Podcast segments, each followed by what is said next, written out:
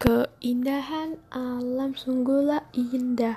Punya alam ciptaan Tuhan Semerbak keindahannya Tiada yang menandingi. Tuhan sungguh baik Memberi dengan sungguh.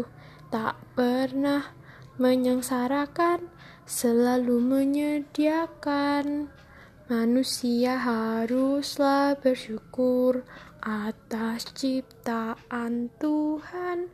Janganlah menjadi perusak agar Tuhan tak marah.